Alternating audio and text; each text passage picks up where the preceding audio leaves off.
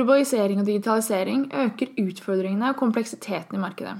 Viktigheten av innovasjon og disrupsjon blir stadig mer relevant. Endringstakten i bedrifter må økes. Men hvordan kan du lage de gode kundeopplevelsene, skape innovasjon og engasjerte ansatte, samtidig som man endrer seg? Hele 75% av nordmenn føler jo lite eller inget engasjement i jobben sin. I en undersøkelse fra Deloitte i 2017 så sier hele 94% at smidighet og samarbeid er kritiske faktorer for at deres organisasjon skal få suksess. Men kun 6% mener selv at de er smidige. Hva innebærer det egentlig å være en smidig organisasjon? Kan alle organisasjoner bli smidige? Dette og mer ønsker vi å diskutere gjennom Smidigpodden. Vi håper på å finne noen av svarene. Jeg heter Ida. Og jeg heter Tobias. Velkommen til Smidigpodden.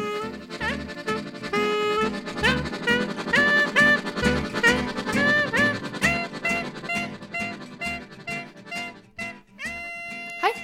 Velkommen til episode 14 av Smidigpodden. Og det her er første episoden på en stund som vi faktisk ikke har noen gjest. Ja.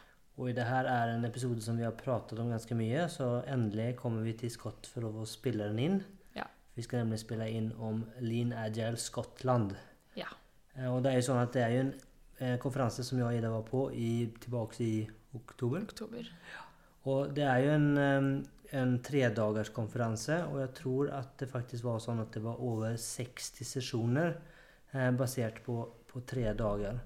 Og når det pågikk som verst, så tror jeg faktisk det var seks parallelle løp. Um, så det sier litt til seg selv at vi ikke klarte å være med på alt og få med oss alt. Og du får jo litt sånn information overload. Um, så vi skal prøve i dag at ikke gi dere information overload, utan gå litt i eh, Bare ta highlights fra de som vi syns var best. Så det er planen. Ja. Og så heller prøve å kanskje, hvis det er noe dere syns virker spennende, så si ifra. Så kanskje vi kan gå til dybden på det. Ja, og så er det faktisk sånn at uh, Lina Lell Skottland har lagt ut mesteparten av presentasjonene. Og jeg tror til og med at noe fins på videoopptak. Ja, det som var i den hoved, eh, Ja. hovedrommet, liksom. Så det er også mulig, og hvis man ønsker å se eh, på noen av presentasjonene, så skal det være mulig. Mm. Men eh, litt før vi hopper inn i materien, så tenkte jeg skulle ta en liten sånn oppdatering på alt spennende og kult som har skjedd. For det har vi liksom ikke hatt så mye tid til å snakke om, for vi har jo hatt så mye spennende gjester, så vi har liksom prøvd å fokusere mest på dem. Og kanskje ikke så mye på oss. Nå skal vi fokusere på oss. Yes. Kanskje vi skal begynne med deg, Rida. Vi, det har jo skjedd noe veldig veldig gøy da, som er veldig relevant for podden nå. Ja, det er veldig gøy. Jeg etter på Det blir jo i 2020. Tenk at vi er i 2020. Det syns jeg er ganske sykt. Men det er en annen diskusjon. Um, da jeg, skal jeg begynne jobb. I DNB fremdeles, da. Jeg er der fremdeles. Jeg skal begynne som business agility coach. Med, som er da i konsernutvikling, har man havnet nå, da. Litt, litt reorg. Så det tror jeg blir veldig, veldig bra. Begynner da, ja, som sagt, begynner etter jul. Gleder meg veldig. Så jeg har siste dag på tirsdag, som kanskje er før denne podden egentlig har kommet ut. Så ja, vi er jo helt på slutten av året. Vi har faktisk til og med drukket litt eh, gløgg i dag. Spist yeah. pepperkaker. De som var igjen eh, som ikke er brent. Det var noen som ble litt brent her, eh, dessverre. Ups. Men det tilhører vel julefeiringen, det, egentlig. Så det er sånn det er. Mm. Nei, men så at om det er noen som tror at det blir mindre smidig, sma smidig smakk, smidig snakk Sminesnakk. her hjemme, så tror dere nok feil. Med Ida sin nye jobb så er det noe mye av det det kommer å gå i. Det er mye av det går nå. Ja, det er mye smidig snakk. Og når det kommer til smidig smakk, smidig snakk, så eh, har jeg i det siste vært og holdt noen presentasjoner, bl.a. på HR Norge sin store HR-forumkonferanse. Jeg tror faktisk det var 600 deltakere. Eh, Så der var jeg og holdt en presentasjon. Veldig morsomt å bli invitert tilbake av HR Norge. Setter jeg veldig pris på. Alltid kult å få komme tilbake. Det tenker jeg er en eh, hva skal jeg si, tegn på Kompliment. at, kompliment på at du har gjort det bra. Hva snakket du om? Jeg snakket om eh, se si, litt om eh, Riks-TV sin reise, faktisk. Men litt av det vi har gjort i det siste, og reisen fra hva skal jeg si, tradisjonell organisasjon til teamorganisert, litt over til nettverk, og der vi er i dag, der vi kanskje egentlig har litt av alle tre samtidig. Og klarer å balansere det og dra glede av det. Og samtidig som vi er ikke på, på noen helst måte i mål, utan lærer å utvikles fortsatt. Så veldig spennende. Og så var jeg på en eh, fagkveld, tror jeg man kaller det. Fagdag, fagkveld hos Beck. Eh, og holdt en presentasjon eh, der. Eh, og det var faktisk dagen etter, så det var en, eh, si, en ny opplevelse. Litt sånn eh, skal ikke si traumatisk, men eh, nesten. Å holde to presentasjoner dagen etter hverandre er eh, Spesielt når jeg skulle holde en presentasjon hos Beck sammen med en annen. Så det var, liksom, det var nesten samme presentasjon, men ikke helt. Så var det liksom vanskelig å holde presentasjonene litt især. Så jeg måtte faktisk eh, fokusere på den ene først. Og sen så når jeg var, liksom, var ferdig etter en hel dag på konferanse og presentasjon, så måtte da Göran som gjorde presentasjonen sammen med komme hit på kvelden for å øve oss igjennom den som vi skulle holde dagen etter. Men jeg syns at det gikk, gikk, veldig bra der òg. Og det var veldig mange andre spennende. Blant eh, Vips og Nav og Skipsted blant annet, som var og holdt presentasjoner. Og der var det også en sånn her um, Hva heter det? Sitter på radiorekke. Podkast? Ja, det ble en podkast, men uh, paneldebatt heter paneldebatt. det. Ja, det var en paneldebatt med alle som hadde holdt presentasjon etterpå. Mm.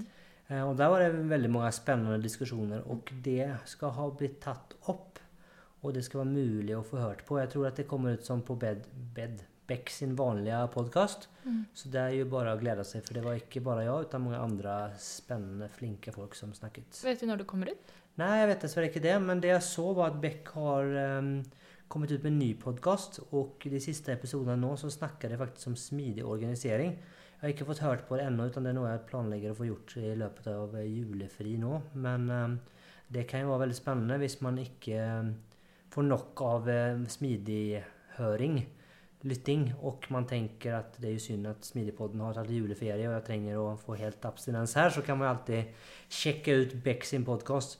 Og der fins jo også en episode fra før med min kollega Rune som snakker litt om eh, prioriteringer i Riks-TV, så det er også spennende, så det anbefaler jeg å høre på hvis man vil høre mer om det. Kult. Yes. Ellers så um, har vi fått eh, mye folk som har hørt av seg, så det er veldig gøy.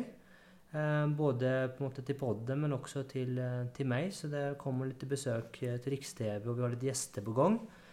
Og så har vi faktisk begynt å se Det er veldig tidlig, så det er litt sånn risiko å si. Men vi, vi er i litt dialog her med et, med et, selskap der vi leker litt med tanken om å kanskje kjøre en live-podkast-innspilling. Mm.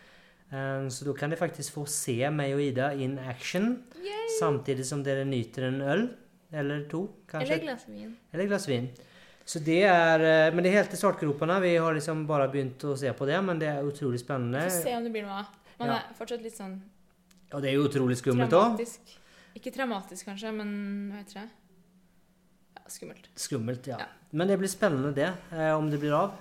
Og der er jo tanken at vi skal ha noen spennende gjester. Ja, så hvis du har forslag til hvem vi skal Vi har en liste over eh, hvem vi vil ha på besøk. Ja, vi, ja, vi har en liste. Vi har, vi har, noen tanker. Vi har noen tanker, Det er kanskje ja, ikke en liste, men noen tanker. da. Så hvis det er noen som har noen forslag til som kunne vært kule, kunne vært interessante, så må dere si ifra. Vi ønsker å skape litt diskusjon, så vi ikke at alle skal være like heller. Nei, ikke, ikke nødvendigvis være helt enig. Og gjerne tenk litt stort. Det er kanskje mulig å få til noe her. Jeg vet ikke. Mm. Så uh, hvis ni har det der, så, så hør gjerne av dere. Ja, gjør det. Det, vi også, det jeg også har gjort, som jeg glemte å si, som faktisk er litt morsomt, at jeg var og holdt et um, foredrag for uh, internrevisjon, sånn uh, forbund, om smidig. Hvordan man kan være smidig jo, uh, Etterleve smidige prinsipper i revisjonen. Det var interessant. Masse spennende, annerledes synspunkter. Så vi, har, vi holder en del presentasjoner, så kanskje vi skulle holdt noe sammen. Så eh, noen som har lyst til å høre få Smidigpodden på besøk, så, så si ifra. Uh, så si fra, så er det mulig å si. Jeg tror at det kan, kan bli spennende, det òg. Så det er noen utfordringer vi kunne tenke oss å ta. Så um, ja. Uh, og som vanlig pleier vi å ta på slutten, men når vi enda er i gang og snakker nå, så kunne vi si det nå.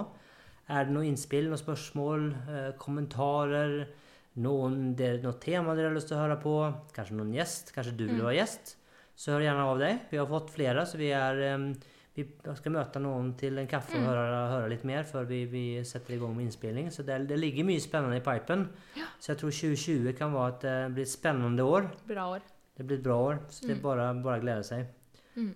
Hva sier du, Ida? Skal vi hoppe inn i materien, kanskje? Hopper... Eller er det noe mer du vil si? Nei, vi hopper inn i LA. Scotland. Det var jo i uh, Edinburgh. Edinburgh. Edinburgh.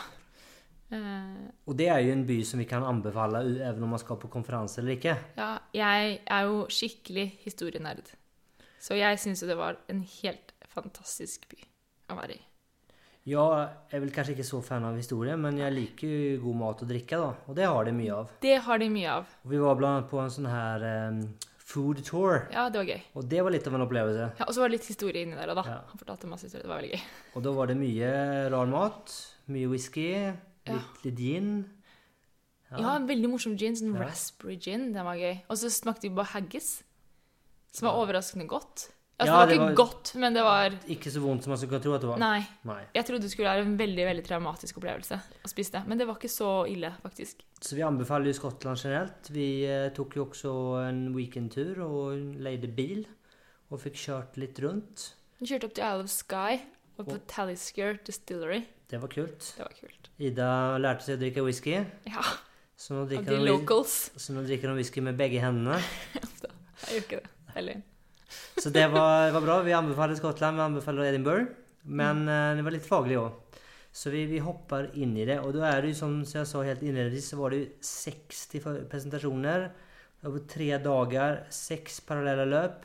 Jeg og Ida tok noen, eller gikk på noen av de sammen. Vi gikk også noen av det hver for seg. Eh, det, ja. det man vel kan si også var på en måte Som preget de dagene litt, var vel at du gikk i større grad på type eh, foredrag og den type ting. Jeg var mye med på type workshops. ja, det er kanskje et godt poeng. Det var god blanding av eh, ja, presentasjoner og workshops og på måte hands on. Det var korte og lange, og det var ganske godt, godt variert. Eh, så vi har vel sitter vel igjen med litt forskjellige ting. Og så var det jo Det var jo, hva skal jeg si, smidig i en veldig bred forstand. Ja. Og det var veldig mye som forvåna meg litt, som så var det liksom veldig sånn problematiserende rundt AI, for eksempel. Var det mye om. Eh, det var mye psykologi.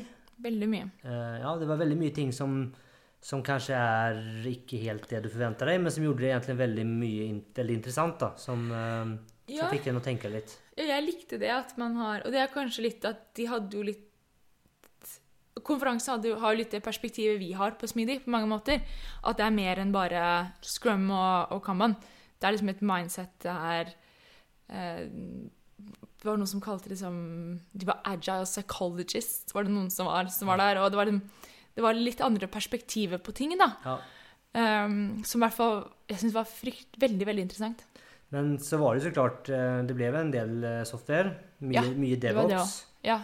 Eh, Mye ja, mye software-selskaper generelt. Mm. Så det var vel ja, men en- god, god, blanding. En god miks, ja. Ja. Og så var det folk, så var det noen selskaper som hadde liksom stander og sånne ting, som du kunne gå og snakke med de etterpå, da. Som var sponsorer av konferansen, da. Skal vi hoppe inn i det første? Den, Yes. tenkte det første vi kunne ta som, som faktisk jeg ikke har hørt om før.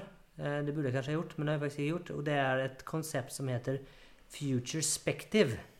Og det er jo litt som det høres ut som. Altså det er en retrospektiv, men i stedet for å se bakover, så ser man fremover.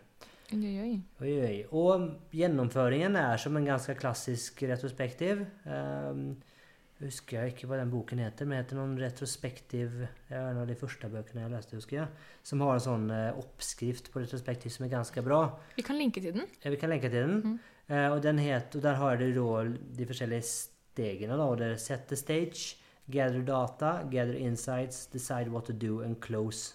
Så kunne måtte bruke samme konsept inn i, i den futurespectiven. Men det de mente at det var veldig liksom at um, at den futurespectiven var, var veldig bra å bruke for å få fram og få diskutert ting som teamet, eller enkelte i teamet, kanskje så som skummelt eller utfordrende eller risiko eh, som man kanskje gruet seg litt over. Og at man kunne få diskutert det og bli enige om å komme opp med aksjonspunkter og ting man kunne gjøre for å sørge for at ikke det skulle skje. da. Og at man kanskje også var en måte at en retrospektiv kan, kan ofte kanskje bli litt, litt negativ eh, og føres kanskje litt sånn repetitiv. Men en futurspektiv er kanskje liksom en, en, en fin avbrudd for å tenke litt mer sånn inn i fremtiden. Um, så jeg syns det var en, en interessant uh, variant som jeg ikke selv har prøvd, men det er absolutt noe man kan tenke seg å prøve ut, tenker jeg. Spennende. Uh, Men hvis man vil uh, Vet du om noe sted man kan lese mer om det? Hvem var det som hadde foredraget? Aino Wonge Korri. Ja. Eh, han er i hvert fall en ph.d. Ja. Eller hun, kanskje. Hun, sikkert. Husker ikke, dessverre. Det begynner å bli en stund siden. Men uh, skal vi se om vi kan lenke til den presentasjonen, kanskje? Ja. Det gjør vi.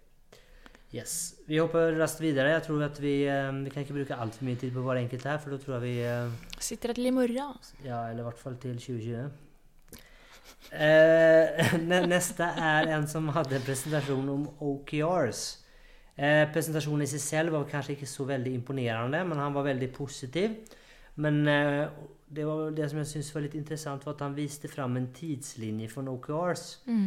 Og jeg visste at det ikke var et nytt påfunn, men det er jo veldig sånn i, i farten i tiden, og jeg syns at jeg nesten får ukentlig så dimper inn en annen meetup eller en annen foretak företag som har skrevet en artikel om OKRs.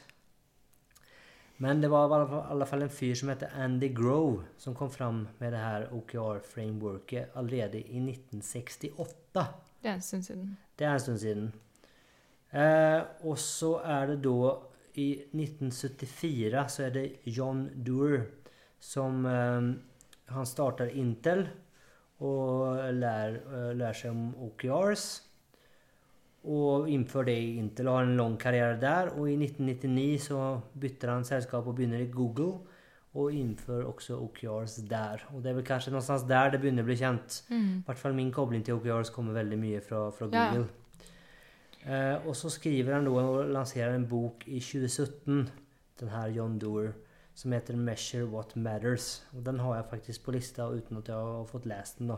Hvor lenge siden da? Ja, Og det var jo i 2017. Og det var vel kanskje der det begynte å ta fart. Um, og nå er det jo som sagt veldig, veldig Veldig eh, hett, kan du si I vinden. i vinden. Um, og han fyren som hadde denne presentasjonen, han mente jo at OKRs var veldig bra. Det var bra for samarbeid. Det var bra for kultur. Det var bra for alignment. eh, det var bra for fokus, og det var bra for engagement, altså engasjement. Engasjement. Så at han hadde syntes at det var veldig positivt. Eh, resten av presentasjonen hans handlet mest om hvilke mål de hadde hatt, og hvordan det hadde gått for, for de målene. Som kanskje ikke var så veldig spennende for oss andre som ikke hadde noe forhold til selskapet hans. Men, men eh, i hvert fall han, han var positiv, så det, det er alltid noe. Eh, ja, og det var vel eh, egentlig min takeaways var vel det generelle for Nokia OKRs, og at fyren var positiv. Så det er jo hyggelig, da. Mm. Men jeg tror um, den ene sliden her er litt viktig å få med. Og der er det som er kanskje litt viktig å huske når man setter opp OKRs, spesielt det er key results. Så det han sier, er vel If it does not have a number, it's not a key result. Så det må være målbart, folkens. Det er Det er viktig å ta med seg. Ja, og det er ikke alltid så lett. Nei. Good. Så Beyond CD var vel neste. ja, da hopper vi over litt til, til um, DevOps. Og her var det en eh, Jeg tror han var hollender, nederlender. Mm. Uh, fyr med mye engasjement. Veldig bra. Morsom type. Morsom type. Og det han, mye av det han kom med her, så veldig bra, gikk veldig dypt, og det skal vi ikke gjøre. Uh, jeg tror at han sikkert holdt en ja, vet ikke, to til fire slides i minuttet og holdt på en time. Det var, tempo. Det var tempo. Men han hadde noen key takeaways. noen key Som var veldig bra. Som er veldig bra. Mikiel Ruck. Det høres jo veldig hollandsk ut. Ja. Eller nederlandsk. Ja. Beyond CD het den, da. Beyond Continuous Development. Og hans eh, key takeaways var vel det Big steps. Da vil du også feile big. Hvis du har small steps, så vil du feile small. Det han også snakket mye om, var eh, det han sa 'if it hurts, do it more often'. Så det var da å gjøre ting mindre og oftere. Så ikke det skulle gjøre så vondt. Så egentlig en ting som Hva si? Godt kjent, men som man, jeg tror man trenger en påminnelse påminnelse ofte. Det er lett å um, få ting at det vokser ur proporsjon, og det er lett å skyte ting inn i i fremtiden, hvis det er litt ubehagelig, så er det ikke noe man gjør, og da blir det bare enda større og enda vanskeligere. Um, Så man gjør seg selv en litt av en bjørnetjeneste gjennom å ikke få det gjort. Han hadde jo en veldig fin sånn um, liten graf også. Med work og time. Og hvordan han liksom visualiserte risken opp og kostnaden. Som vi kan kanskje legge på Instagrammen. Den kan vi prøve å få lagt på Instagrammen. For den var ganske fin. Ja. Og da var liksom, liksom ti, key til, eller det som egentlig vi prøver å si eller illustrere ja, Beskrive et bilde, er vel kanskje. Lukk øynene og lytt. Ja. Du har en todimensjonell graf. Todimensjonell graf? En, en graf. En graf. En graf. Enkelt. Ja. Og der ene aksen er work, og den andre aksen er time. Og når du da eh, Så hvis det er veldig store releaser, så går det veldig lang tid. Egentlig så er jo kanskje work litt rart. Det er vel kanskje mer effekt, kanskje, Ja. på den ene aksen der. Så må du ikke glemme kost. Ja, og da er det jo Kosten, den, den løper jo uansett, Mm. på en måte. Så den går liksom opp fra, fra bunnen, ikke sant? Opp i hjørnet. Origo. Hæ? Origo. Origo. Nullpunktet. Ja. Den går derfra, og så går den til toppen på det andre hjørnet. Ja. Hva heter det, da? Det vet jeg ikke. Der stoppa matematikkompetansen min. eh, men uansett så var jo det at når tiden går, og så får du ikke lansert noe, og da blir du liksom Men så får du lansert, og da kommer det veldig mye liksom, effekt ut. Mm. Og da er det veldig liksom, Det rommet der blir liksom risiko. Mm. Mens hvis du gjør det ofte, så blir det rommet mye mindre. Mm. Jeg vet ikke om vi klarer å forklare det. Jeg tror vi bare skal legge den ut, ja. Jeg tror vi legger ut ja bilde. vi legger ut bildet. Ja, vi går videre. Og, og vi fortsetter. Vi, for... vi fortsetter, og det, da er jo neste er jo da Continuous Delivery and Theory of Constraints. Som er da mer, eh, mer eh, Continuous Delivery. Mm. Han hadde to slider som jeg syns var litt fin. Og ikke for at det er noe som helst et fasit, men det er en liten sånn en sjekkliste som kan si litt sånn hvor du er. Og hvor mot et DevOps-klar du er. Jeg tror ikke det her er noe han har funnet på. Det kommer sikkert ut av noen bok. Jeg kunne sikkert si at kunne sikkert spurt Marley, så kunne hun sikkert sagt hvor det kommer fra òg. Men uh, uansett, for oss som ikke er så dypt ned i DevOps-miljøet, så, så var det interessant. Så på det første så var det technical capabilities. Mm. Skal du ta oss gjennom det, Ida? Nå blir det buzzword bingo. Nå blir det buzzword bingo. Men jeg må bare si først, da, når Ja. du var inne på Marley Jeg var veldig glad for at vi hadde spilt inn den poden med Marley før jeg var på Lineage i Skottland. Fordi det gjorde faktisk at når jeg var på disse foredragene, så forsto jeg faktisk hva de snakket om. Det var litt kult. Så det var takk, Marley.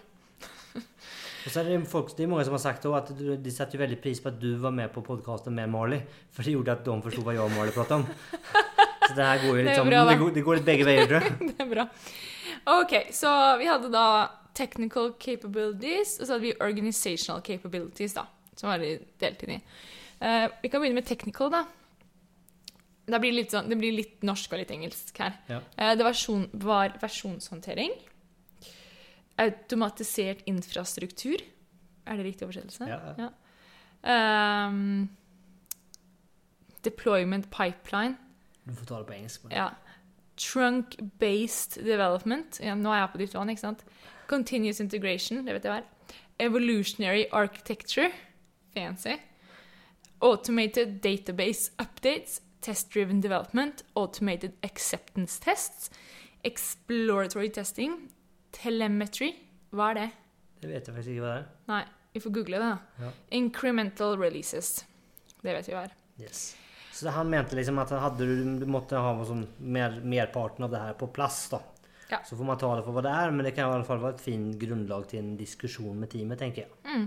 Og så hadde han noe morsomt på organizational capabilities òg, da. Ja, Skal jeg ta de òg, eller? kjør på. Det var small batch size, devolved decision making, shared incentives, blameless post-mortems. You build it, you run it. Snakket om det før. Continuous change reviews.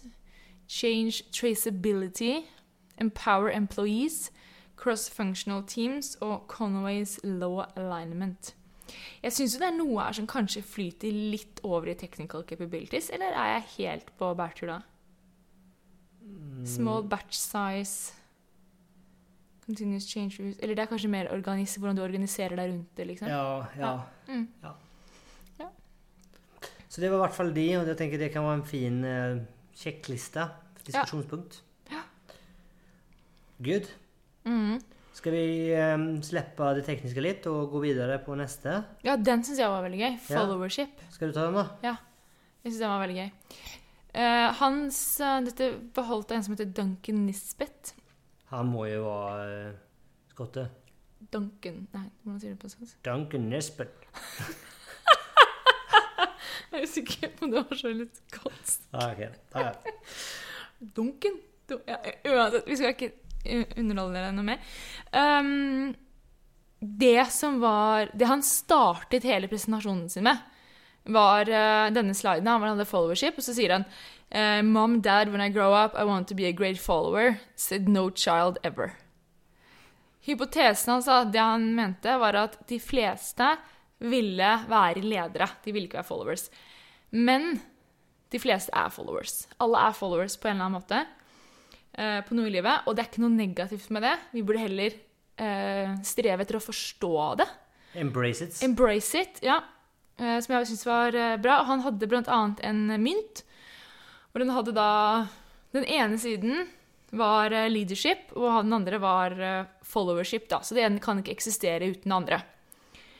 Og så viste han også en slide hvor han hadde mm, Googla litt. googla litt, ja, rett og slett. Og da hadde han googlet leadership, og da hadde han fått var det fem millioner resultater? Nei, uh, leadership det er Nei, fire. fire milliarder. Fire milliarder resultater var det, ja. Ja. Ja. Og så followship på én million. ja. Så det, det, det differ uh, Greit. Uh... tre nuller og en firer, holdt jeg på å si. Men, eh, Ja. Så det er litt mer, eh, litt mer treff på leadership enn hva det er på followership. Så det Mm. er liksom rett og slett litt mer in, eh, interesse for det. Mm. Og det som også var litt spennende som han snakket om, var at det er viktig å forstå eh, followers. Forstå hva er det som driver dine followers. Og han mente at det var veldig viktig å ha gode followers. Fordi gode followers, de vil være en partner, og de vil støtte deg, og de vil utfordre deg. Um, hvis du har followers som har lav follower-modenhet Kan man si det? Vet ikke. Det er vel på godt eh, Man sier jo altså svengelsk, sier man, men norsk-engelsk, hva er det? Nengelsk? Nongelsk? Uansett. Da var det mer sånn type ressurs-mindset, da. Relative resource, hvor det var liksom lav støtte og lite for nå er det bare den her two by two, ikke sant? Mhm. Ja, så, ja, for, Fyren har jo sikkert jobba i noe eh, konsulentselskap en gang i tiden, kan man tenke seg. Ja, det har han helt sikkert. For han kommer med en two by two. Ja, det er det han gjør. Så Ja. bare vi gikk rett på den. Eh, ja, så det, og det er vel kanskje det, den er Han hadde en modell for followship, egentlig, Mm, ja. som var litt interessant.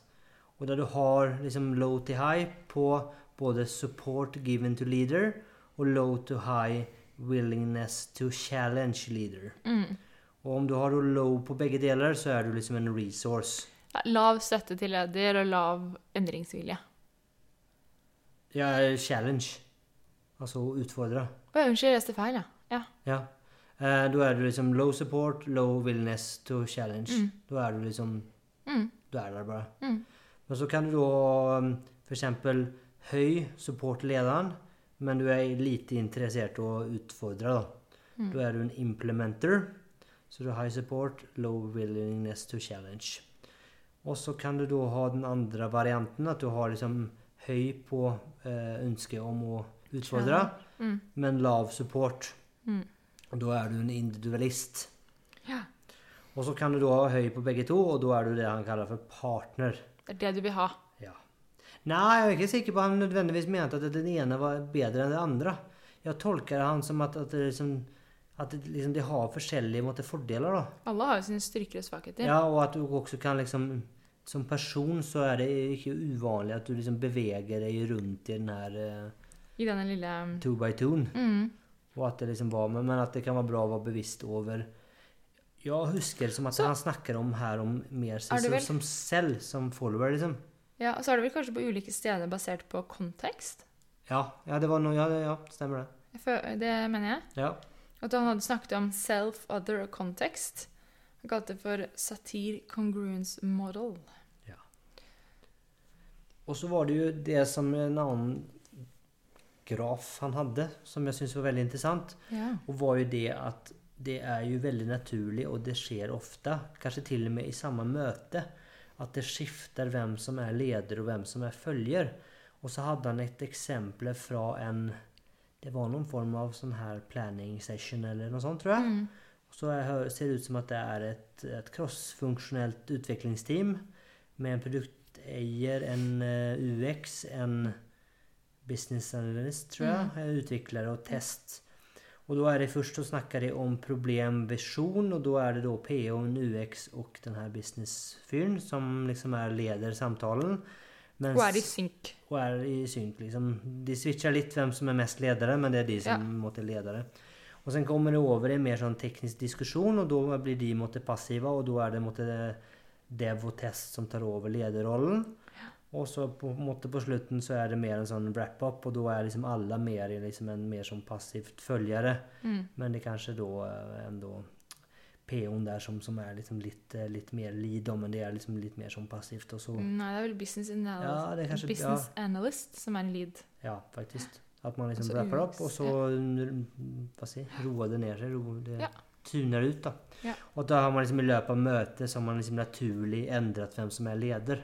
Mm. Og det, vi, vi har jo snakket om vi skulle ha en episode på ledelse, og jeg tenker det er, jeg tenker jeg er en, eh, en bra leder. Mm. Som ikke må være leder hele tiden. Da. er For, det blir, enig. For det blir veldig slitsomt. Det gir rom til at andre kan lede. Ja, ikke sant? Men det er en tema for en annen da. Det er tema for en dag. Yes. Mm. Skal vi uh, det, det, det siste, kanskje? En- vil, ja. vil ta den? Uh, Det var egentlig ikke det jeg tenkte på. Nei. Men jeg tenkte på en annen liksom, key takeaway som jeg satt veldig igjen med etter hans, um, hans foredrag. Og det var litt sånn det vi sa først, med liksom drømmen om å ikke drømme om å bli en leder. Da. Og det er jo veldig mange som tror at den eneste veien å få karriere, er å klatre på karrierestigen. Og at du assosierer veldig gjerne karrieren din med en, en tittel. Og da gjerne er liksom Det beste du kan oppnå, er å bli leder. Og vi blir liksom pressa på det egentlig fra veldig tidlig. Eh, Men at han snakket jo litt om at det liksom er en sosial konstruksjon, og at man burde være bevisst rundt det i egen utvikling. Og det syns jeg at man har generelt litt lite fokus på i bedrifter. Man har litt for mye fokus på det å liksom skulle opp og bli leder, men ikke det på kanskje det, det tror jeg blir mer og mer populært i bedrifter, men det å bli fagekspert eller gå en litt annen vei, da, at det kan også være like mye suksess, kanskje til og med mer. Mm. Eh, skal du ta det siste sitatet der, kanskje? Som når vi ender på ledelse på den eh, fellowship-presentasjonen. Ja, det med Lao Tzu. Kjenner du han? Han var vel en kinesisk filosof? Det er godt mulig jeg kjenner han ikke. Ok, Men han ser veldig vis ut på bildet, det. Han ser veldig vis ut på bildet. Jeg tror han var det. Han ser veldig kinesisk ut. Ut som en kinesisk gammel mann. Jeg tror han var det, men um, ta det med en klype salt, da. Ja. Um, det han sier, er A leader is best when people, people barely know he exists. Of a good leader who talks little, when work is done, his aim fulfilled, they will say we did it ourselves. Og det er vel målet, at teamet skal føle at vi gjorde dette selv. Det er jo, ja, Eller sammen, sammen. er mer riktig. Ja. Og det tenker jeg at da Da er du ganske lite høy på deg selv. Og det er Ja. jo veldig fint. Men det er, det, er ganske uvanlig. Ja.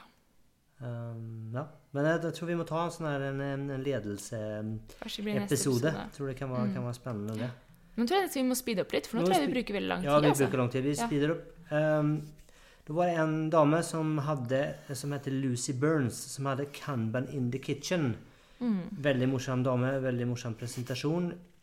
Det som var litt av takeawayen for meg, var at hun um, Litt som jeg og Ida, så var det liksom en, en familie som måtte Der begge to var litt i denne smidige smidigverden. Eh, så de hadde, men det hadde kanskje tatt litt mer av enn en hva de hadde gjort. Men, men de hadde liksom, de kjørte kanban-boards hjemme på alt. Men det har jo vi snakket om òg, å ha kammerbord. Vi har bare ikke surra oss til det. Ja, vi har jo, vi har jo blitt ganske gode på å um, jobbe med, med, med den type um, visualisering og struktur. da. Vi har det. Eh, men i hvert fall hun eh, fortalte mange historier hvordan de hadde planlagt ferie, og de hadde til og med barna hadde fått dot-vote på hva de hadde mest lyst til å gjøre, og det var ganske morsomt. Eh, og så var det en veldig fin historie var jo at eh, hennes barn de hadde litt eh, de, de slet litt, jeg husker ikke helt, men det var noe eh, Asperger og litt sånne Mm. ting, tror jeg. Eh, og det var den ene sønnen han det, det hadde vel at de skal ha masse sånn slutteksamen, da. Mm. Og det var så mye e- evner og sånn, mye ting han måtte kunne, da. Så at, så at han fikk helt sånn Overload. liksom. overload, så hadde det Mm. stoppa opp. da, Og da hadde, han, eh, hadde mor da lagd en, liksom, en kanban med alle disse tingene han måtte gjennom. Og så var det da eh, VIP limits, så han fikk bare jobbe med to ting åt gangen. Og så tok han liksom, eh, eh, liksom tema for tema og, og jobba seg igjennom, fag for fag. Og kom seg gjennom og, og sto på alle eksamene og gikk veldig bra. da. Og så var det lillebror da, som var ganske liten vi, når det her skjedde. da. Men mange mange år etterpå så hadde han liksom, var det hans sin tur. da. Og da hadde han kommet til mamma og spurt om ikke mamma kunne lage et sånt board til han òg, fordi han trengte den hjelpen. da. Så, sønnen, så sønnene hadde måtte kanban-boards hjemme da, for å ta seg gjennom skolegangen. da. Det var litt smart, da. Ja, veldig. Skulle ikke jeg hadde kanban-bord? Ja, Det var litt. ja, ikke sant? Og nå, liksom, vi VIP så det er lett å bli uh, paralyzed uh, av at det er så mye. da. Så Mm. det er jo kult. Mm. Yes. Skal vi hoppe videre? Da har vi psykologene våre. Ja. Det var nesten den som jeg syns var best, men Agile psychologist. Ja. Jasmin Sano og Josef Pellerin. Og du hadde jo eh, litt sånn one-on-one med godeste Josef òg Ja, det var veldig spennende. i workshopen din, så det kommer vi Ja. kanskje inn på etterpå? Eller gjør vi ikke det? Jo, vi kom i hvert fall inn på workshopen. Ja, så bra. Ja. Yes. Nei, de snakket jo om, eller Presentasjonen hette jo 7 pluss minus 2 Ways your brain screw you Ja. Og de snakker egentlig veldig om eller, hva skal jeg si, ting som vi tror på, som er feil. Kan man oppsummere sånn? Ja, er det riktig? Kan man si. Um, og jeg vet ikke hvilken vi skal ta, da. Starte med willpower, da. Snakke med willpower, da. Skal Snakket mye om willpower. ja, skal du ta litt willpower? Mm. Det er faktisk en som er morsom, da. Var det brainy facts på starten? Ja. Og da var det litt det at man sier at eh, Å, vi bruker eh, bare Hva er det man sier sånn Å, man- vi bruker bare 10% av hjernen vår, eller noe sånt nå, Ja. sier folk. ja. Og da sa de at det er helt feil. Vi bruker faktisk det meste av hjernen vår hele tiden. Selv når vi sover. Det syns jeg var gøy. Det visste jeg ikke. Så en liten fun fact der, kanskje. Ja, og så var det Det fins ingen evidens, altså ingen bevis, på at det fins en måte, høyre og venstre hjernehalve. At det er, liksom, er noe forskjell der. Mm. Det er bare tull. Mm. Eh, og så fins det ingen bevis på at det er at du har at det er liksom learning types. da. Mm. Altså at du lærer på en spesiell måte. Det er veldig mange som tror de gjør det. De sier Ja. 'Jeg lærer ikke bra å gjøre det her'. Ja. det er ikke sant. Men du kan preferere forskjellige ting, Ja. men det er ingenting som tilsier at du faktisk har eh, Lære mer. Lærer mer på en eller annen måte. Men det jeg har tenkt er da, vil du ikke lære mer hvis du syns det er gøy? Det tror For da vil du gjøre det oftere. Så da lærer du mer. Ja. på en måte. Så det ligger sikkert noe der, da. Ja. Men, Mm.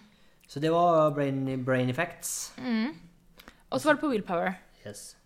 Uh, og det her var litt gøy, og det var at de snakker om at um, willpower, det er av Altså, det determine uh, akademisk um, Performance, altså ytelse? Ja. Eller over intelligens. Faktisk. Så er det liksom evnen din til å bare power through. power through. Det er viktigere enn intelligensen din. Ja. Um, Så sitter du der og lytter og føler at du ikke er så smart, så jobb på willpoweren. ja, jobb på willpoweren.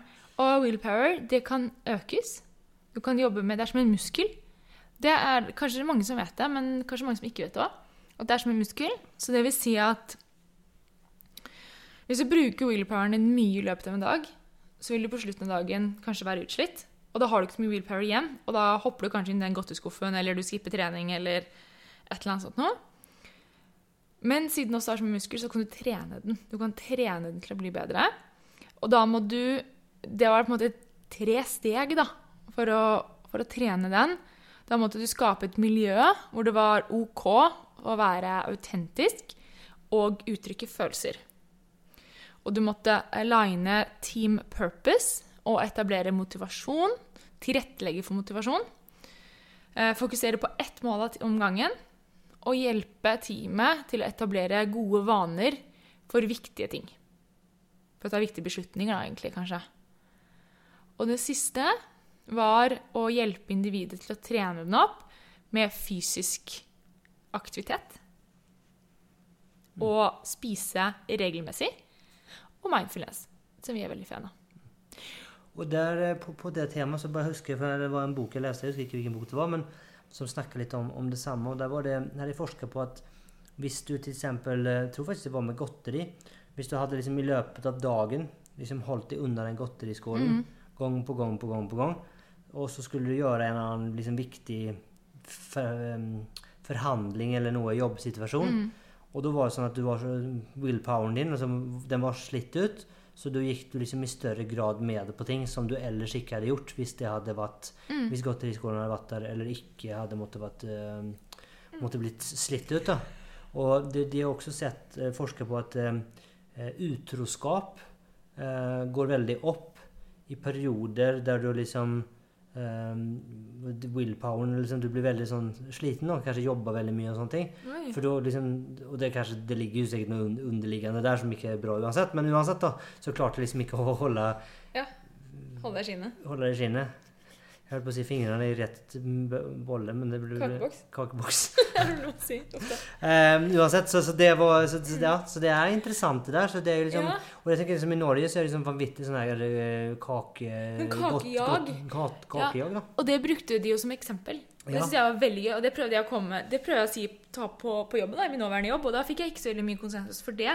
For det er veldig vanlig å ha godteri på Det- retro. Ja, og det var det hun sa, da. At dette her er en psykolog. Hun kan ekstremt mye om hjernen. Det hun sa, var at når hun hadde, kjørte retroer eller viktige workshops med teamet, så tok hun aldri med godis fordi, eller kaker fordi at hun ville For da brukte de opp willpoweren sin på å motstå godis. Eller de spiste og fikk dårlig samvittighet. Og mistet da willpoweren, den de, det de trengte til å ha gode diskusjoner eh, og komme frem til et godt resultat. Så hun tok heller med frukt da, og den type ting hvis man absolutt måtte ha noe. Og jeg syns det er veldig interessant. Skal vi si at det er kanskje liksom, Om du skal sitte igjen med noe etter dagens episode, så kutt ut godteri på Kutt ut godis på retro. Ja. Ta heller med liksom, en kopp te til alle, eller en kopp kaffe, eller et eple. Jeg vet ikke. Hvis du absolutt må spise noe. Trenger ikke kanskje spise det, kanskje. Ja. Man må ikke spise noe hele tiden heller. Nei, ok. Nei. Yes. OK, moving on. Skal vi gå på eh, Billy? IKEA-effekt. Ja. Og da har de sett at de som gjør Når de har gjort det selv, Mm. så har liksom um, verdisetter det mer. Mm. Så de som har bygd møblene selv, de, de syns at møbelen blir bedre enn noen annen har bygd den. Eh, vi ser det faktisk i, i, i Riks-TV òg. De kundene som har skrudd opp antennen selv, det er mer fornøyde kunder enn de som har fått en eh, og, det, og det til tross at det, og hvis det kommer en installatør og gjør det, så blir det sannsynligvis bedre. Men de kundene som har gjort det selv, er mer, mer fornøyd. Eierskap. Eierskap, så det er litt så morsomt. Så eh, ja, Mm. det er noe fint med å gjøre ting selv. Neste Henger kanskje litt sammen med sånn, tenker jeg, sånn ende til ende og liksom tverrfaglig team og litt sånne ting òg. Jo, ja, liksom ja, ja. Da kommer vi rett inn i eh, Smart People, Smart Teams, ja. som er en myte. Det viktigste Det er ingen korrelasjon mellom individuell intelligens og kollektiv intelligens. ja. Det viktigste Så det kan man jo si, så hvis du skal rekruttere til et team, Ja. så er det da viktigere at de, eh, som Ida kommer inn på her, at den teammedlemmen du skal rekruttere, har de tingene, enn at han er kjempesmart. For at han er kjempesmart Mm. kan være bra for han, men det hjelper mest sannsynligvis ikke teamet så veldig. Nei. Spesielt ikke om man ikke scorer på de andre tingene. Nettopp. Og da Det som var viktig, det var um, det de kalte for social perceptiveness, som er empati. Det andre var som de kalte for equality in conversational turn-taking. Som kanskje veldig mange av dere lyttere kjenner som psykologisk trygghet. Og gender diversity. Det var liksom de tre viktigste tingene for å ha et high performing team. Så det er jo veldig interessant. Ehm, och ehm, Så det er jo noe å være bevisst på at du jobber med de tingene og at du kanskje har det bevisst på det når du rekrutterer. At det ikke nødvendigvis at det er individuell intelligens som er det viktigste. Mm. Yes, Uh, vi har mye spennende her, men jeg vet ikke om vi skal hoppe over den med det med barnehagen og de tingene der, kanskje? Kan Ja, det handler bare Vi kan jo si kjapt hva det handlet om. Det handlet jo om at uh, man hadde en Det var noen som testet om man skulle få en liten bot for å komme sent. Og særlig barnehager implementerte dette fordi de så at det var flere uh, foreldre som kom så sent, så hadde de hele bøter. Problemet var at da ble det faktisk ok å komme for sent, fordi du betalte deg ut av det. Og det samme så man på type standups og liksom morgenmøter og sånne ting også. at rett og slett folk betalte seg ut av det å komme for sent, og da var det ikke den sosiale eh, normen da, med å komme i tide lenger som var viktig. Og, men det er det også så for at når de fjerner den botbiten, Mm. så kom folk like, like mye for sent fortsatt. da. Ja, fordi du har ødelagt hele Ja, da, ja. Så da, liksom, da, er det, ja, da er det no turning back. Finn andre måter å gjøre det på. Yes. Og så har vi litt om Tuckman, som de fleste har kjenner til. Altså eh, forming, storming, norming, performing. Eh, Og det som er interessant, er at Tuckman selv skriver at man eh, ikke kan se det som at det er eh, representativt for en liten gruppeprosess, eller en prosess for en liten gruppe. Eh, og at det liksom altså at hele den modellen er kanskje rett og slett for enkel. Det sa Tuckman selv i artikkelen sin i 65. Eh, så, så det er jo liksom um, Og det, når man tenker på det, så er det vel kanskje si seg selv at mennesker er jo kanskje det mest komplekse vi har. Så at man skulle kunne lage en generisk, lineær modell som skulle representere alle team og grupper, er vel Utopisk. kanskje ganske utopisk. Eh, hva Du må hjelpe meg litt her, Ida. Ja. Eh, neste er jo Ja, jeg tror nesten at vi Jo, vi kan ta den siste her. At det Ja. var jo um, det, men men hva, hva kan man gjøre for å hjelpe teamet? Hva, hva man, Ja, ja. For om man ikke kan følge den modellen, så mm, eh, Og da er det at du skal skape så mye eh, felles kontekst og sammenheng som, som mulig. mm, Eh, gi deg tillit, og eh, løs opp i måte, konflikter eller utfordringer. Eh, og eh, liksom lage eksplisitte eh, regler og mm, agreements, altså Avtaler. en, avtaler. mm. og hvordan man skal liksom være, da. Mm. Og følge de opp, da. Ja, og iterere på de. Og Så forbedre de, da. Ja. Um, Jeg tror at vi hopper over til menu of conversation. Skulle vi gjort det, Ida? Ja, jeg syns det var veldig veldig spennende. Det var en workshop jeg var på som varte i Hvor lenge varte den? Fire-fem timer, tror jeg. Ja, det var en halv dag, altså. Ja, det var, det var mer enn en halv dag. Det var veldig veldig spennende, i hvert fall. Var det der du møtte han psykologen? Ja, det er mest uh, Joseph. Anyhow. Menu of Conversation det er et konsept som er inspirert av en filosof og eh, professor. Tror han er ved Oxford eller Cambridge, jeg husker ikke helt på stående fot. Eh, men han heter eh, Theodore Seldin. Og det han eh, har skapt, da, er en, et type rammeverk, eller ja, en inspirasjon da, til hvordan man kan strukturere opp gode samtaler. Um, han, fordi det han mente, var at ofte så har du samtaler som blir litt overfladiske. Så dette er en måte å skape litt dypere samtaler. Um, og da kalte han det for menu of conversation. Jeg hadde en liten smakebit For de som var på Smedium Conference, så hadde jeg en liten smakebit på det på det. Uh, på Smedium Conference. Da hadde vi en time. Nei, ja, 50 minutter, noe sånt. Eh, men her brukte vi da fem timer, så det var jo bare en liten touch. Uh, jeg skal linke til nettsiden i notes til podden. Men da handler det om at du strukturerer samtalen som en middag. Så da har du noen temaer som du diskuterer til som en starter, noen som en main course, og noen til så dessert. Og eh, tanken er at du skal sette sammen grupper som er så ulike som overhodet mulig.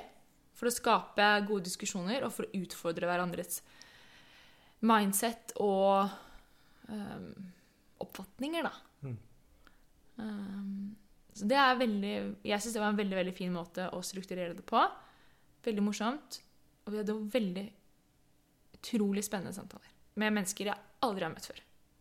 Så det var veldig rart og veldig givende og veldig gøy. Så det kan jo si litt av um, de tingene som jeg satte opp som spørsmål på, um, på Smedian Conference, da, og som vi også diskuterte på i Skottland. Det var jo uh, compassion, blant annet. Um, og um, gratitude. Og uh, tillit. Mm. Det er veldig spennende å høre folks ulike oppfatninger rundt det. Mm. Skal jeg si noe mer om det, eller holder det? Jeg tror det kanskje holder. Jeg tror vi har, vi har jo mer på spørsmål eh, workshop eh, à la Ida. Oh yeah. Jeg hadde var jo på en annen workshop som var på 'Questions are powerful'. Hva er tittelen.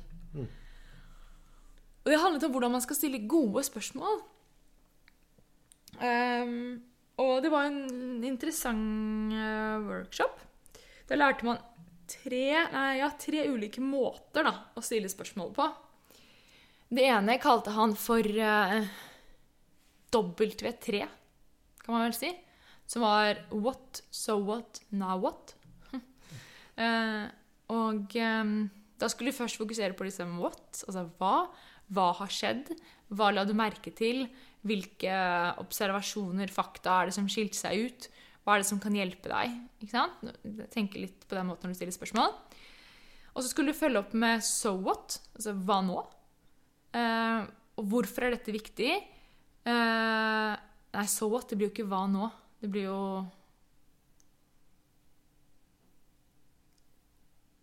Jo, ja. Ja, uansett, da. So what? Hvorfor er dette viktig? Hvilke mm, mønstre og konklusjoner er det som oppstår? Og hvordan kan du skape endring?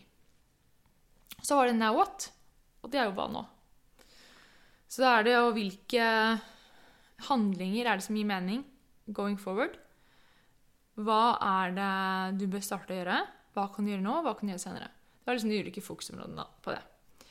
Og dette her er jo veldig interessant også, fordi at eh, her skal man spørre mye hvorfor. Eh, og jeg har jo også lært på samme Bare på en senere foredrag at man ikke skal spørre ordet 'hvorfor'. Fordi 'hvorfor' er veldig sånn violent måte å kommunisere på. Så veldig mange mennesker kan bli litt sånn satt ut av. Så Man skal ikke si hvorfor, man skal stille spørsmål på en annen måte. Vi fikk også en eh, teknikk som het 'Sixth Honest Serving Men'. det var morsomt, det var fra en barnebok. Uh, og da sier han I keep six honest serving men They taught me all I knew. Their names are what and why and when and how and where and who.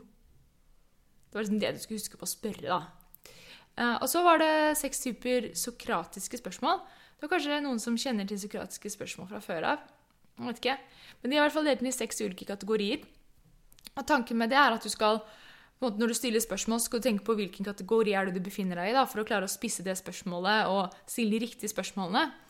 Da hadde du spørsmål for uh, oppklaring, uh, spørsmål som uh, gjør antagelser, spørsmål som probe reasons and evidence. Jeg har ikke noe godt ord for probe på norsk. Og så var det spørsmål om viewpoints og perspectives. Spørsmål som probe implications and consequence, og spørsmål om spørsmål. Det var de ulike spørsmålstypene som vi ville presentere for, da. Så det var interessant, og da måtte vi øve på dette. Og så var jeg på en lytteworkshop som jeg syns var hakket mer spennende enn en spørsmåls... uh, litt mer uh, Ja, jeg likte den bedre. Lytteworkshopen. Og da hadde hun uh, fire ulike nivåer på lytting, som jeg likte. En En trappetrinnmodell. rett og slett. Og um, det første gikk på Når du er på, på det laveste nivået på lytting, så er du på det at du hører ord. Og så går du ett nivå opp, og da pauser du for å respondere. Og så går du ett nivå opp til, Og da var du på en dypere nivå av observasjon. Og så når du var liksom helt på toppen, så gikk det på å spørre eh, thoughtful questions. Og jeg syns det er veldig interessant å, å, sette den 'asking thoughtful questions' opp imot pause for å respondere. For det er kanskje litt mye det jeg tenker på når jeg tenker på å, å være god til å lytte. Det å eh, lytte for å respondere versus lytte for å forstå. Og det er kanskje der du er når du er på toppen. Da, da er det derfor at du lytter for å forstå, og lytter for at å stille spørsmål for den andre personen skal klare å komme til konklusjonen selv. Og for å reflektere selv. Hvis det gir mening. Det gir mening. Og så hadde hun en veldig morsom eh, oversikt da, hun gjorde for sine team. Hvor hun, det er noe som heter Clifton Strengths. Det kan man google. Det er en type mapping av, eh, av styrker. Og så kan man, kan man da br- fors- bruke de for å forstå hvordan man kan bli bedre til å lytte. F.eks. For eksempel hvis du er nysgjerrig, kreativ, strukturert, hvordan kan du bruke de egenskapene bedre i lytting? Og da var tanken hennes det at du rett og slett skal kjøre dette på hele teamet ditt. Og så skal du presentere det for hele teamet, og så skal man se hvor man er gode eh, på de forskjellige tingene, og da forstå hvordan man kan bruke hverandre i ulike kontekster og settinger. Og det, jeg syns det virket i hvert fall veldig spennende og interessant. Jeg tror det kunne vært veldig verdifullt for veldig mange team. Eh, For å lære hvordan man tenker. Mm. Hvordan man lytter og Kult. Nei, som dere sikkert skjønner og hører, så eh, var det en konferanse som bød på ganske mye forskjellige ting. Ja, veldig mye forskjellige ting. Så eh, det fanns noe for, for alle. Virkelig. Så ja. Anbefaler du den? Ja, altså nå har jeg vært på litt forskjellige måte, smidige konferanser. Um, og jeg har vært på noen f.eks. i Stockholm som jeg syns ble litt for teoretisk og akademisk. Og så syns jeg kanskje jeg har vært på noe i Norge som kanskje blir litt for litt for lightweight, om det er lov å se, si. Eh, så syns jeg den her kanskje lå litt sånn midt imellom. Det var liksom litt akademisk og teoretisk og litt sånn reelle problemstillinger og selskaper som har kommet ganske langt. Det var en del Eh, caser og sånne ting. en del caser og ja, men eh, Og så var det jo Det var jo veldig stor, da. Jeg vet Mm. ikke hvor mange deltakere det har vært, men det må jo ha vært noen tusen, da. Tror du ikke det? Jeg tror sånn 800. 800, ok. Ja. 1000, da. Ja. Ja, men, sånn, Men det var liksom en, ja, en stor konferanse. Mm. Uh, Edinburgh som, som by og, eh, lokasjon. Egentlig veldig praktisk. Det er enkelt og greit å reise dit. og eh, OK priser, og konferansen var ikke så verst dyr. og det var liksom, Så eh, absolutt. Eh, det fins sikkert andre konferanser som er like bra eller bedre. Men jeg skulle ennå si at det er en av de bedre, kanskje den beste jeg har vært på så langt. Mm. Så absolutt. Eh, anbefaler definitivt å dra. Jeg likte den veldig godt. Det var jo et mer eh, Hvis man kan si både mindfulness approach Ja. til smidig. Ja, fall En på, psykologi-approach til smidig. i hvert fall på de tingene du tok. Ja, hvert fall de tingene. Jeg fall det var veldig interessant, for det var veldig annerledes enn det å sitte og lære om scrum. Ja. Um, altså det blir litt annerledes og litt uh, Litt andre perspektiver. Fikk ganske mange morsomme verktøy som man kan bruke hjemme. Så absolutt bra. Jeg tror at vi har kommet i mål. Vi eh, ser at episoden ble eh, lengre enn vi hadde planlagt, som vanlig.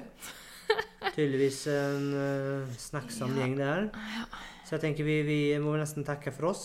Mhm. Kanskje ønske alle en uh, god jul når den Yes. tiden kommer. Uh, og så kommer vi tilbake uh, sterkt i 2020. Ja. Også som vanlig, vi setter veldig pris på alt av av feedback og kommentarer og hva det måtte være. Gjerne um, reviews eller eh, stjerner der dere hører på podkast. Det syns vi er Mm. veldig gøy.